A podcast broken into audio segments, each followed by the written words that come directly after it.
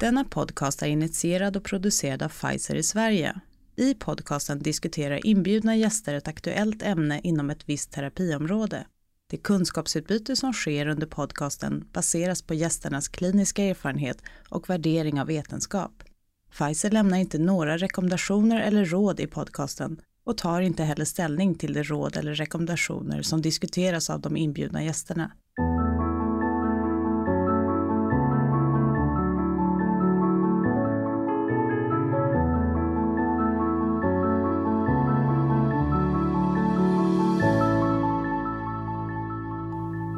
I det här avsnittet får vi höra hela webbinariet med nyheter och intervjuer från 2018 års ACR-kongress i Chicago, som hölls av Petra Neregård, medicinsk rådgivare på Pfizer. Hej och varmt välkomna till Pfizers webbsända seminarium med uppdateringar från årets ACR i Chicago. Jag heter Petra Nergård och är reumatolog och medicinsk rådgivare på Pfizer inom inflammation och immunologiområdet. Jag har tillsammans med mina kollegor bevakat kongressen, intervjuat eh, forskare, reumatologer med fokus på svenska eh, forskare, men även några internationella. Och ni kommer under dagens program att få höra mer om pre-RA, lite mer om AAS och smärta, lite mer om livsstilsfaktorer. Eh, jag har också själv varit på flera eh, intressanta symposier som jag skulle vilja berätta lite mer om och eh, jag har identifierat några lite nyare områden men också några som faktiskt spinner vidare lite på det som eh, jag har pratat tidigare om från kongressrapporter. Lungfibros och interstitiell lungsjukdom kopplad till olika reumatiska diagnoser presenterades det flera studier om under årets eh, ACR. Eh, och jag kommer presentera en studie som handlar om just interstitiell lungsjukdom och RA.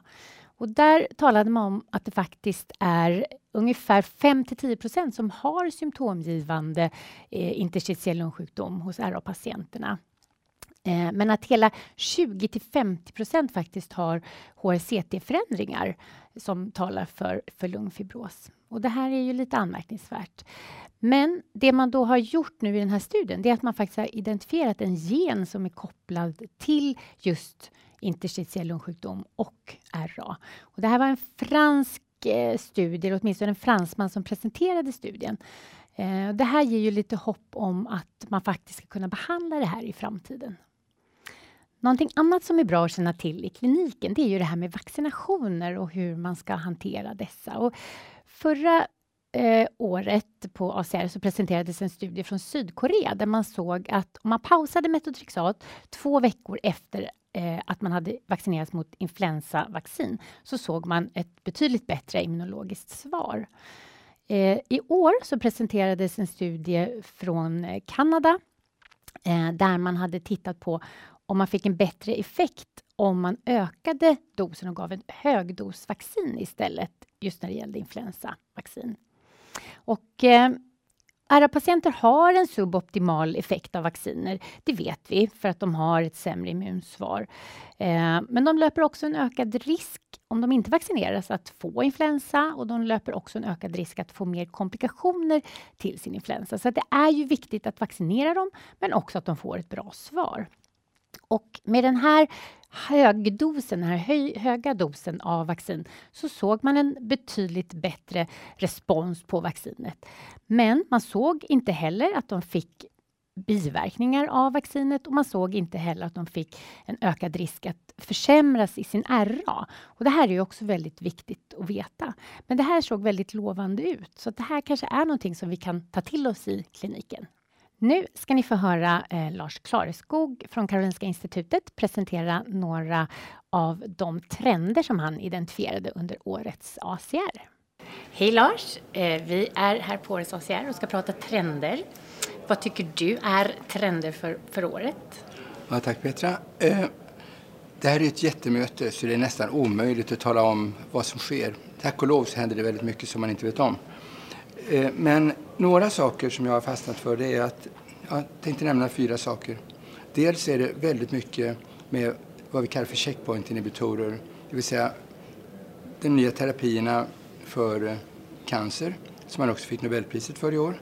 som då också naturligtvis ger biverkningar med inflammatoriska sjukdomar. Det är naturligt eftersom man då påverkar samma mekanismer för att öka immunsystemet med checkpointinhibitorer som vi försöker ha när vi minskar immunsystemets aktiviteter.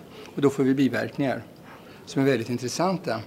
Och det finns mycket som säger att vi bör ha ett samarbete mellan reumatologer och onkologer inom det området. Och det är mycket diskussion om detta och väldigt eh, bra förslag som har kommit upp som vi bör ta med oss till Sverige. Mm. Har man kommit vidare? Är det några sajter där man verkligen har gått in och tittat forskningsmässigt på, på samarbetet? Ja, det finns några ställen i världen där man gör det väldigt, väldigt bra. Mm. Både Europa och USA. Och en del av dem har rapporterat här. Mm. Så vi har mycket att lära. Mm. mm. Ja, men det ska bli spännande att höra mer om det. Någonting eh, annat? Någonting annat är då det som jag själv är väldigt intresserad av och som kommer upp väldigt stort här nu. Det är ju digitaliseringen av medicinen.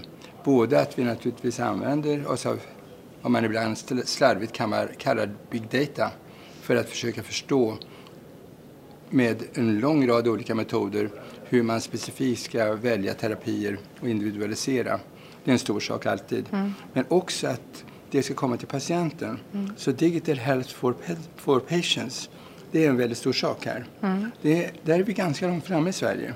Och där tror jag att vi skulle kunna göra väldigt mycket mer och göra mycket internationella bidrag på samma sätt som har gjort på registersidan. Mm. Och det är lite intressant att se att det nu slår igenom ordentligt på ACR-sessionerna.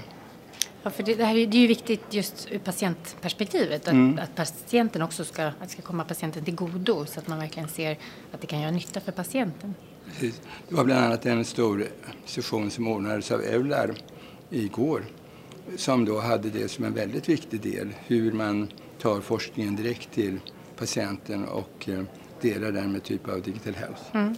Och där har man kommit ganska långt nu ändå så det här kommer väl förhoppningsvis... Det, det, går fort och vi är ganska bra i Sverige, mm. kan bli ännu bättre. Mm. Ja, det ser vi också fram emot. Mm. Sen så den stora terapeutiska saken det är att om vi under många år har haft eh, biologics, en lång rad olika antikroppar som vi har använt av. Det kommer ju nya hela tiden sådana också. Men den stora trenden det är att det kommer en lång rad små molekyler. Mm. Och där var JAK-inhibitorerna den första generationen.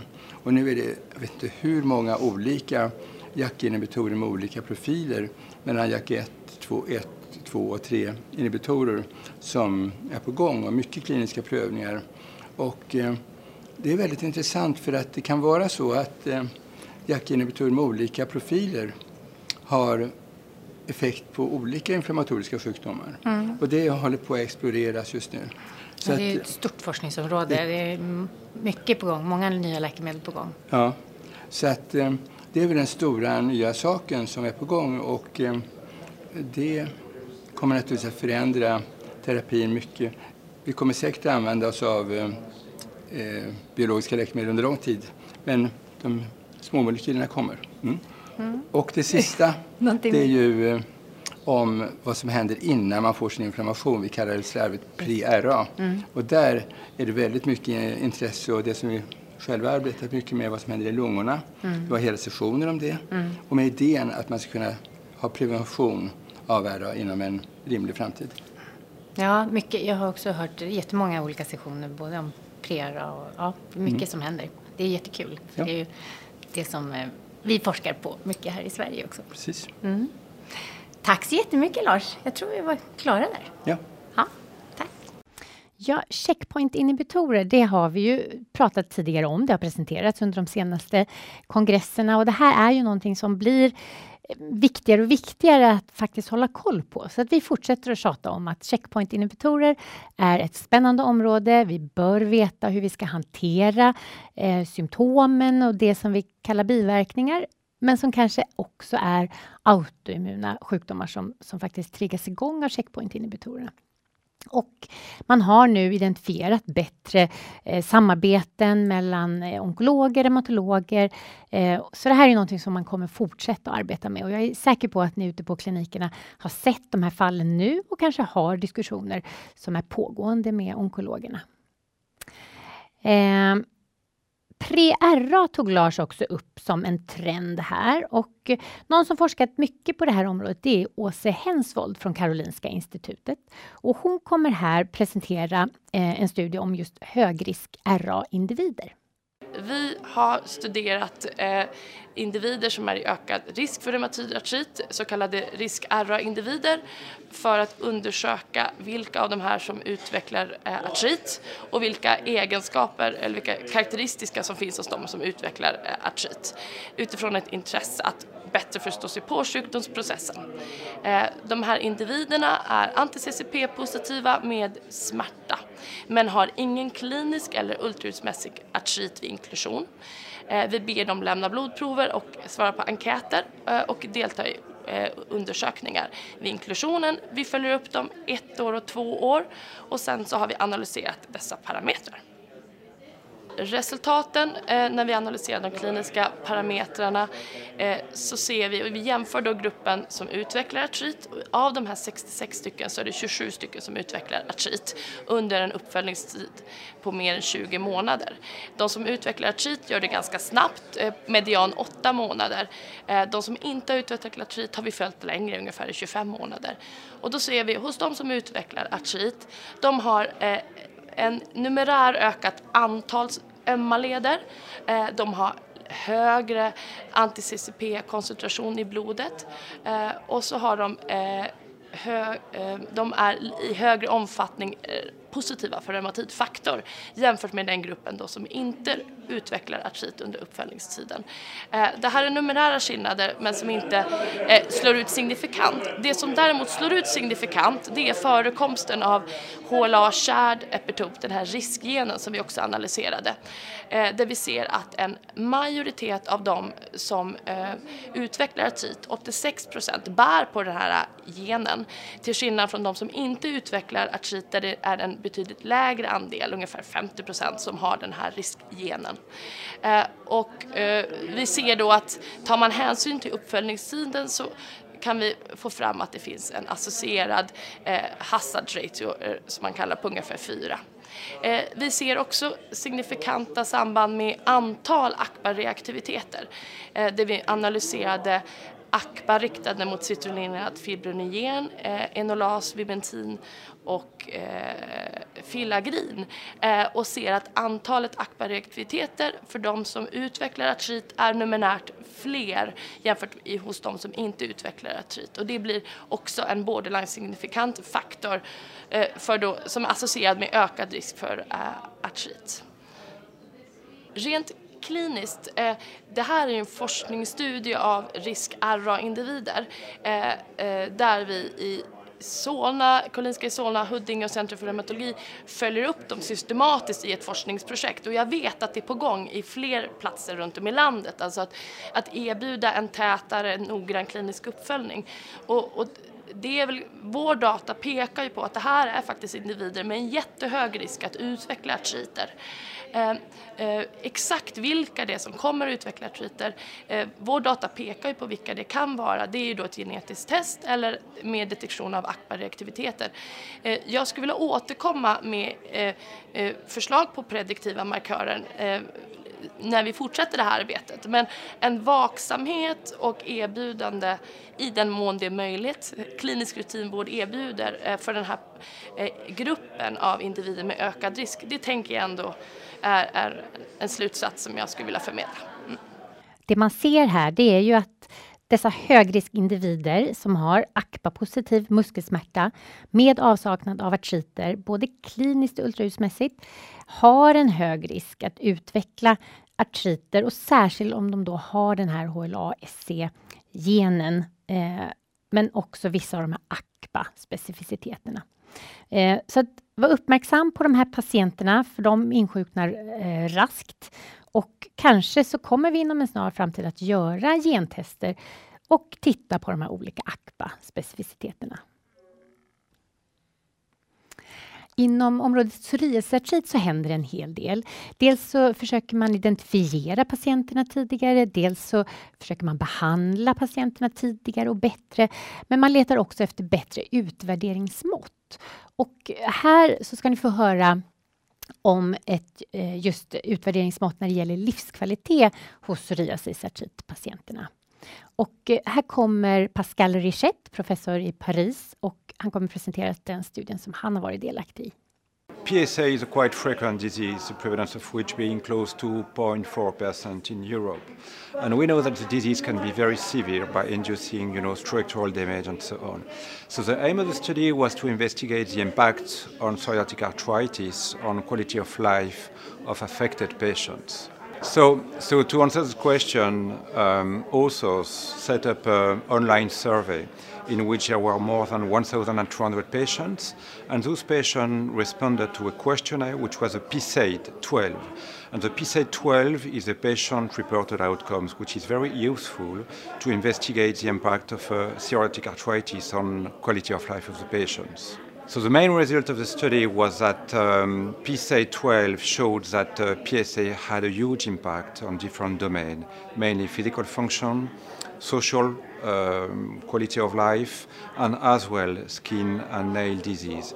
And this is very important because sometimes physicians can neglect the patient-reported outcomes in the way they assess the disease activity.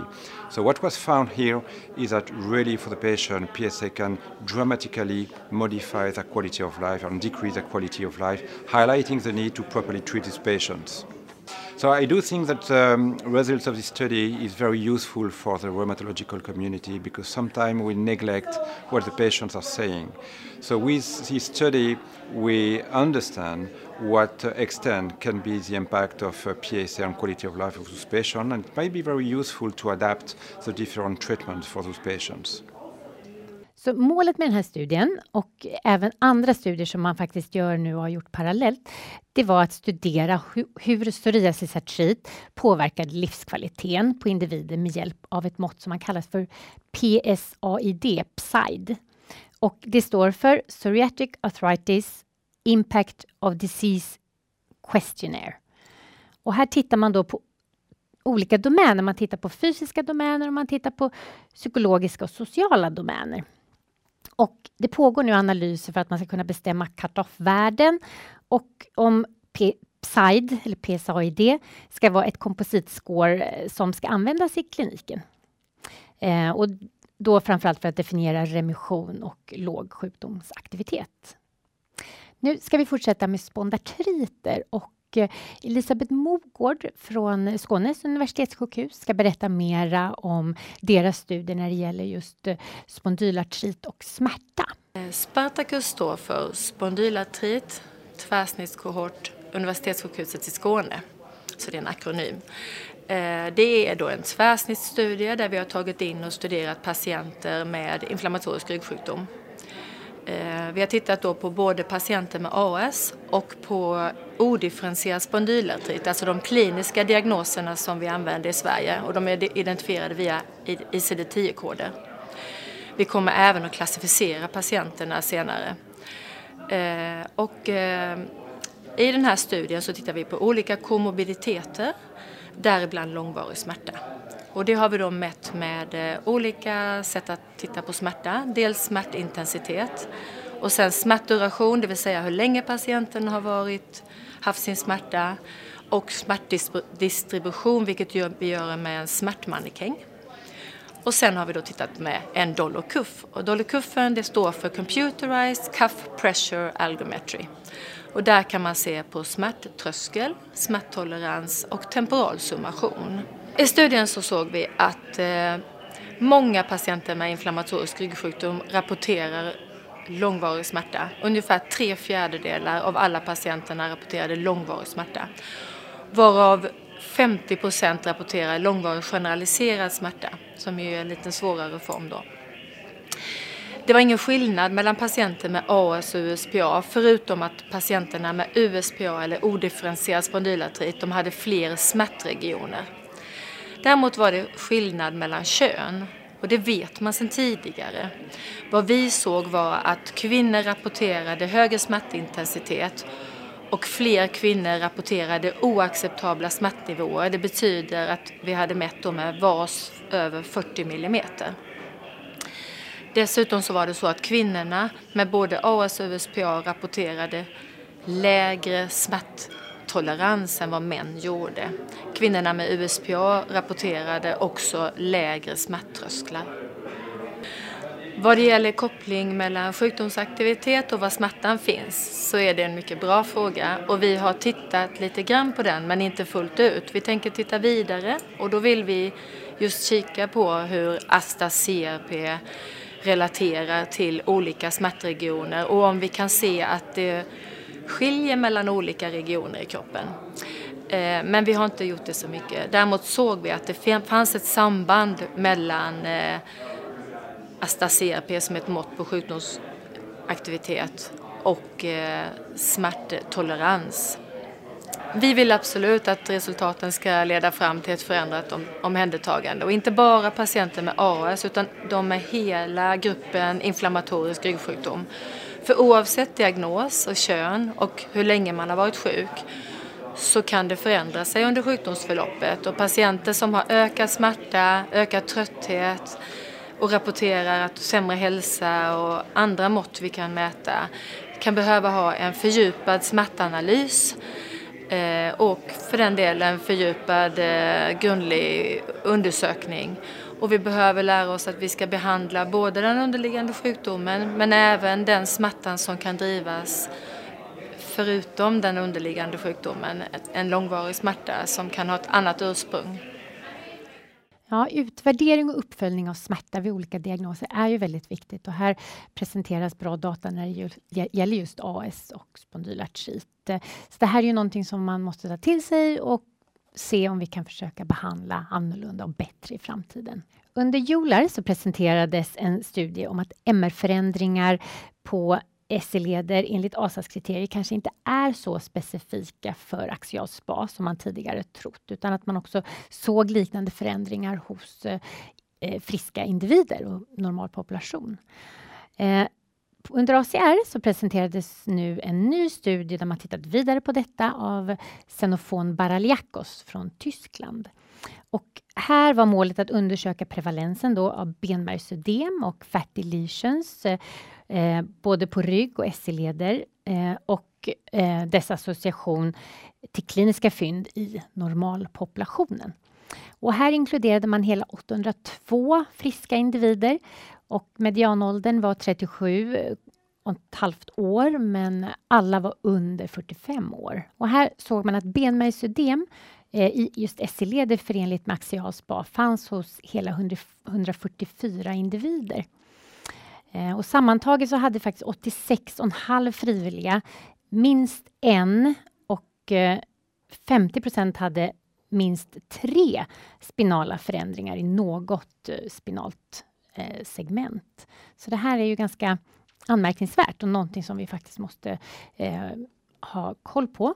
Men förhoppningsvis så kommer det mer data så man kommer forska vidare på det här för att faktiskt visa vad som skiljer eh, en riktig axial spa åt från friska eh, individer. Nu tänkte jag prata lite grann om behandlingar och eh, när det gäller behandlingar av psoriasartritpatienter så presenterades en väldigt intressant studie där man har tittat på eh, effekt av metotrexat i monoterapi jämfört med Embrell med eller utan metotrexat.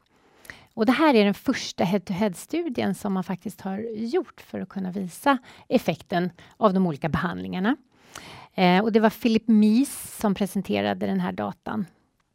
Eh, och då såg man faktiskt att eh, metotrexat i monoterapi var inte lika effektivt som Embrell i monoterapi, men det gjorde ingen skillnad om man hade metotrexat eller inte i kombination då med Embrell. Så det här är ju väldigt intressant, för det här skiljer sig ju åt från hur det är när det gäller RA-patienter, där man faktiskt ser att det är bättre att kombinera Embrell och metotrexat. Det är ju väldigt många nya behandlingar på gång och Lars eh, nämnde det här med små molekyler. Och någonting som jag vill nämna det är att eh, Tofacitinib eller Xelians har ju visat god effekt på just psoriasisartrit och nu har man faktiskt fått subvention både för eh, behandling av psoriasisartrit men också av ulcerös kolit med Xelians här i Sverige patientpreferenser när det gäller just behandling har man intresserat sig mer och mer för och tittat och frågat patienterna vad de faktiskt föredrar. Och nu ska ni få höra Peter Taylor, professor i Oxford, presentera en studie om just detta. So we undertook a survey in Europe and in the USA, relatively small survey, to ask the question what is it that determines patients' preference with respect to route of administration of drug? And the uh, preferences we were interested in were oral, subcutaneously delivered at home, or intravenously delivered, or subcutaneously delivered in the setting of a clinic. What we found was that, in fact, the majority of respondents actually preferred an oral administration of drug, um, but it was only fairly marginal actually, and it was rather more in the USA than it was in Europe, interestingly. Uh, and we also looked at the issues that determined a second choice of drug and just how heavily the preference was weighted towards a, an, oral uh, an oral preparation. Uh, and in fact, many patients who chose oral did so in the belief of convenience, but there were others who preferred a subcutaneous preparation because it was less frequently administered uh, and because of the perception that tablets may be associated with side effects, whereas an injectable drug might not. And of course, this illustrates the need for educating patients about these issues. But essentially, the top two choices by far were a self administered injection at home once a week or an oral drug, with oral just beating the subcutaneous for most patients, with, with a higher proportion in the USA. Well, I think it's very important because we've got an expanding armamentarium of therapeutics that are all very effective in rheumatoid arthritis and other rheumatic disease. And of course, we need to take into account what the patient preference is. One of the determinants of adherence and good adherence and best outcomes will be that the patient's actually happy with their mode of administration.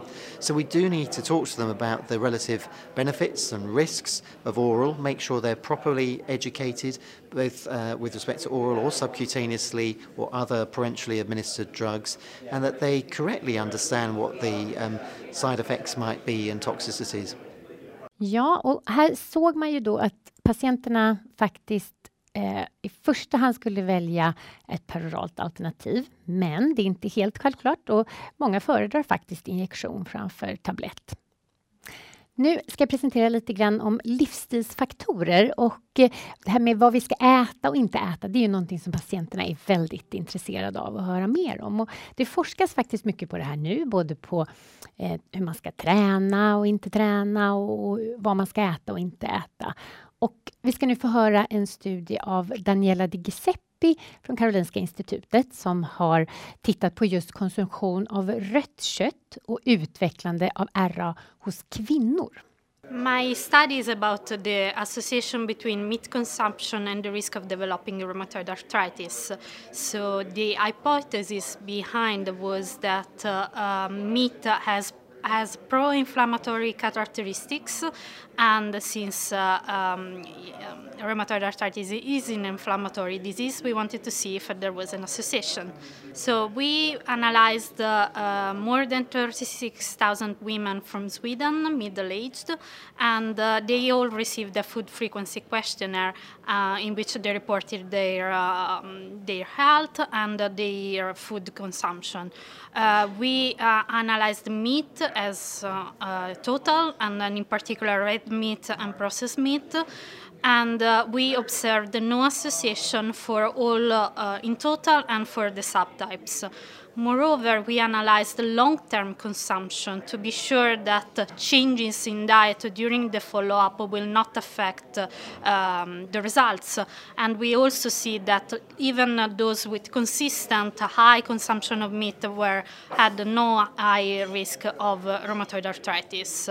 Uh, this was uh, not what we were expected. We were we were expecting an association, but all uh, results pointed in the direction of no association. Yeah. Um, so in the future, we'd like to look uh, at uh, um, what happens uh, with the people diagnosed with rheumatoid arthritis, how the diet affect uh, patient uh, um, diagnosed with rheumatoid arthritis. I den här studien så såg man ju faktiskt att det var ingen koppling till utvecklande av RA eh, om man då äter rött kött. Så det finns ingenting som talar för just utveckling av RA vid konsumtion av rött kött. Nu går vi vidare till Eh, komorbiditeter och RA. Och depression är ju en komorbiditet som är vanlig hos RA-patienter. Eh, och neuropsykiatriska symptom överhuvudtaget som, som smärta, depression, ångest är vanliga vid RA. Och det får ju väldigt stor påverkan på patientens livskvalitet. Och vi ska nu få höra Caroline Wassén, eh, forskare från Göteborgs universitet, presentera väldigt spännande data när det gäller storleken på hippocampus och kopplingen till depression. Bakgrunden till studien är att depression är den vanligaste samsjukligheten med reumatoid artrit, eller RA. Eh, depression har varit associerat till en reducerad storlek på hippocampus i den här studien vill vi se om RA-patienter har en reducerad storlek på hippocampus och eh, om en reducerad storlek kan bli associerad till neuropsykiatriska symptom. Eh, I metoden använder vi både en musmodell av RA och RA-patienter.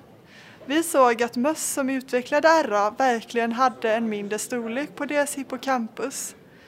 Vi tror att eh, anledningen till att hippocampus var mindre var att de hade en mindre utveckling av nervceller i samma område. Eh, vi tror att eh, en minskad utveckling av nervceller kan bero på att de har lokal inflammation i hippocampus vilket gör dem resistenta mot stimulering med IGF-1 som är en faktor som brukar stimulera nervcellstillväxt. Hos RA-patienter kunde vi analysera storleken med hippocampus med hjälp av MRI. Vi såg att patienter som hade en mindre hippocampus hade mer funktionella nedsättning, eh, att de upplevde sig som mer deprimerade och att de var mer känsliga för smärta. Slutsatsen vi drar är att eh, RA-patienters hippocampus påverkas och att den minskade volymen kan associeras till neuropsykiatriska symptom. Eh, I nästa steg så vill vi undersöka om den här processen är reversibel, det vill säga om de här symptomen kan minska med autoreumatisk behandling. Eftersom vi inte ser någon neurogeneration hos mössen så är vi optimistiska till att det här är ett tillstånd som kan förbättras. Ja, man visar ju här på en mekanistisk koppling mellan smärtupplevelse vid RA och minskad hippocampusvolym. Och den här experimentella studien visar att inflammation reproducerar den molekylära signaturen av IGF-1, insulinresistens, vilket leder till bristfälligt underhåll av hippocampus nervceller och därför så minskar volymen av hippocampus. Och den inflammatoriska miljön vid RA leder till en resistens mot IGF-1 vilket har en negativ påverkan på hippocampus neurogenes vilket i sin tur då leder till neuropsykiatriska symptom. Hur enkelt som helst. Inom vaskulitområdet så händer det väldigt mycket just nu och det presenterades data från alla typer av vaskuliter under årets ACR. Eh, nu ska vi få höra mer från just en grupp i södra Sverige, Skåne, där man har tittat på just jättecellsartrit. Och eh, Pavlos Stamatis från Universitetssjukhuset i Skåne ska presentera data när det gäller just eh, infektioner och risk för utvecklande av jättecellsartrit. Eh, jättecellsartrit jättecellsarterit är den vanligaste eh, vaskulit hos personer som är äldre än 65 år. Sjukdomen är mycket ovanlig före 50 års ålder Eh, och eh, incidensen ökar med stigande eh, ålder. Oftast drabbas extrakraniella grenar av supraaortala artärer. Den vanligaste engagerade artär är temporalis artär och därför sjukdomen kallades tidigare temporalis arterit. Redan från mitten av 80-talet det finns studier och rapporter som har visat en säsongsvariation och Eh, ett cyklik, cykliskt mönster på eh, sjukdomens eh, incidens. De här incidenstopparna har kopplats svagt med vissa infektiösa sjukdomar som till exempel mykoplasma pneumoni utbrott i Danmark i mitten av 90-talet. Dessutom det finns rapporter och studier som har visat att DNA-spår och specifika antigener av vissa virus förekommer oftare i biopsier av patienter med jättecellsarterit i jämförelse med deras kontroller. Alla dessa studier väckte frågan hos oss om eh, infektioner är en riskfaktor för framtid utveckling av hjärtcellsarterit. Nästa steg blev det att eh, ta den eh, skånska hjärtecellsarteritkohorten och försöka besvara frågan. Vi inkluderade i vår analys 1005 patienter med hjärtecellsarterit och 10 050 eh, kontroller. Eh, 47 procent av våra patienter med hjärtecellsarterit och 37 eh, procent av eh, deras kontroller hade minst en infektiös diagnos före hjärtecellsarterit-diagnosdatum och indexdatum. Infektioner var vanligare hos patienter som kommer att utveckla hjärtcellsarterit med odds ratio 1,78. Eh, vissa eh, typer av eh, infektioner som till exempel influensa, pneumoni, övre luftvägsinfektion och ospecifika infektioner var vanligare hos patienter som kommer att utveckla eh. Det är inte ovanligt tidigt i sjukdomsförlopp och innan man får eh, diagnosen att patienterna som kommer att utveckla CCA, hjärtcellsarterit, får antibiotika eh, och infektiösa eh, diagnoser. Sjukdomens systemiska allmänna manifestationer eh, som till exempel feber och eh, trötthet i kombination med de eh, eh stigande inflammatoriska eh, parametrar Eh, kan vilse, vilseleda oss till eh, infektiösa eh, diagnoser. Därför gjorde vi en eh, subanalys där vi exkluderade alla ospecifika infektioner. Risken blev igen signifikant med odds ratio 1,55 efter exklusionen av alla ospecifika infektioner. I den här eh, eh, studien eh, har vi eh, undersökt om infektioner är en riskfaktor för framtid utveckling av hjärtcellsarterit. Vi har behandlat infektionerna eh, som exposure och hjärtecellsarterit som outcome. De flesta av patienterna och kontrollerna som var i studien de var inte immunsupprimerade. Eh, det är extremt svårt att förebygga några eh, eh, samhällsförvärvade infektioner. Däremot är det alltid viktigt att vaccinera patienterna som tillhör riskgrupper för influensa, mot influensa och pneumokocker. Men utifrån vår studie och vårt resultat, vi har inte identifierat en ny riskgrupp för vaccinationer. Infektioner och särskilt övre luftvägsinfektioner, pneumonier och eh, influensa har alltså kopplats till eh, eh, eh biopsiverifierad jättecellsarterit. och det bekräftas också i den här studien.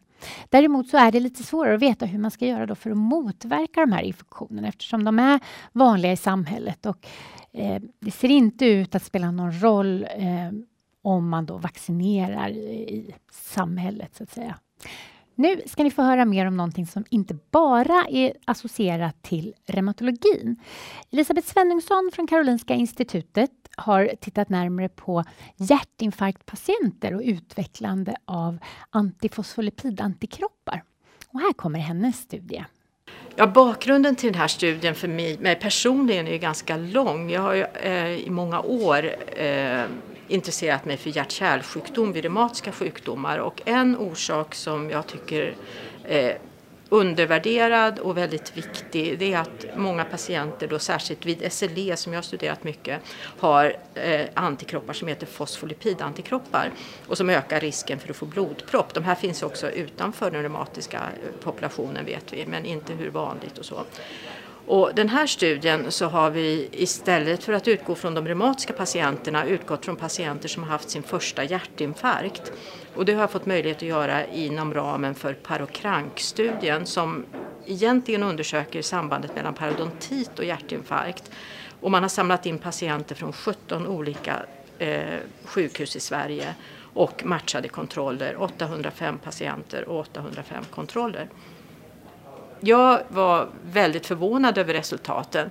De här antikropparna har ju en association till blodproppar i alla typer av kärl. Venösa, eh, arteriella, både stroke och hjärtinfarkt. Men man har trott att det har varit mer associerat till stroke och det kanske är så. Men att så många som 11 procent av de här förstagångsinfarkterna hade antikroppar, eh, fosfolipidantikroppar och bara av IgG-typen, inte IgA och inte IgM, förvånade mig. Och det ska vi då jämföra med 1 av kontrollerna vilket betyder att var tionde hjärtinfarktpatient har de här antikropparna 6 till 10 veckor efter sin infarkt. Eh, och det är väldigt mycket och eh, väldigt spännande resultat tycker jag. Om hur resultaten kommer att påverka framtiden, det är ju ännu för tidigt att säga. Vi vet ju inte om de här antikropparna är en reaktion på själva infarkten. Så skulle det kunna vara 6 till 10 veckor efteråt. Eh, det viktiga nu är att ta reda på om antikropparna fanns innan infarkten och om de finns kvar efteråt. Och den andra saken som är viktig att ta reda på det är också om den här gruppen, de här 10 procenten som har antikropparna, om deras prognos skiljer sig från de andra som inte har antikropparna. Eh, och vi försöker nu att, att besvara de här studierna på olika sätt. Bland annat försöker vi kalla tillbaka och, och kontrollera om antikropparna finns kvar hos de här som var positiva då från olika städer i Sverige. Eh, men om det är så att de här antikropparna finns kvar, då betyder det att de här patienterna har vad vi kallar för antifosfolipidsyndrom och det skulle då innebära att de enligt rådande rekommendationer skulle få livslång varanbehandling efter sin infarkt och att man skulle använda och testa de här, för de här antikropparna hos, borde man då göra hos alla infarktpatienter i samband med det akuta insjuknandet. Om det stämmer att de här antikropparna är kvar, som jag sa, då skulle det nog innebära att man skulle behandla de här 10 procenten annorlunda. Men det är ju långt dit. De här resultaten måste verifieras i större studier och de, kommer, de är ju nu publicerade, eller kommer att publiceras inom kort, så jag tror att andra kommer att upprepa de här studierna. Så vi får se i framtiden. Det ska bli jättespännande att höra mer om de här resultaten och att faktiskt veta vad som är hönan och ägget, det är inte helt självklart i det här fallet. Nu är tiden slut för idag och eh, jag vill tacka er som har lyssnat. Och är det så att man har några frågor och vill diskutera vidare med mig eller om ni vill att jag ska föra fram frågor till de som har intervjuat så mejla gärna mig på adressen som ni ser här eh, på skärmen. Så tack så jättemycket för idag. Tack för att ni har lyssnat. Missa inte att gå in på pfizerplay.se. Där samlar vi alla intervjuer och webbinarier från utbildningar och kongresser. Och där kan ni också registrera er till vårt nyhetsbrev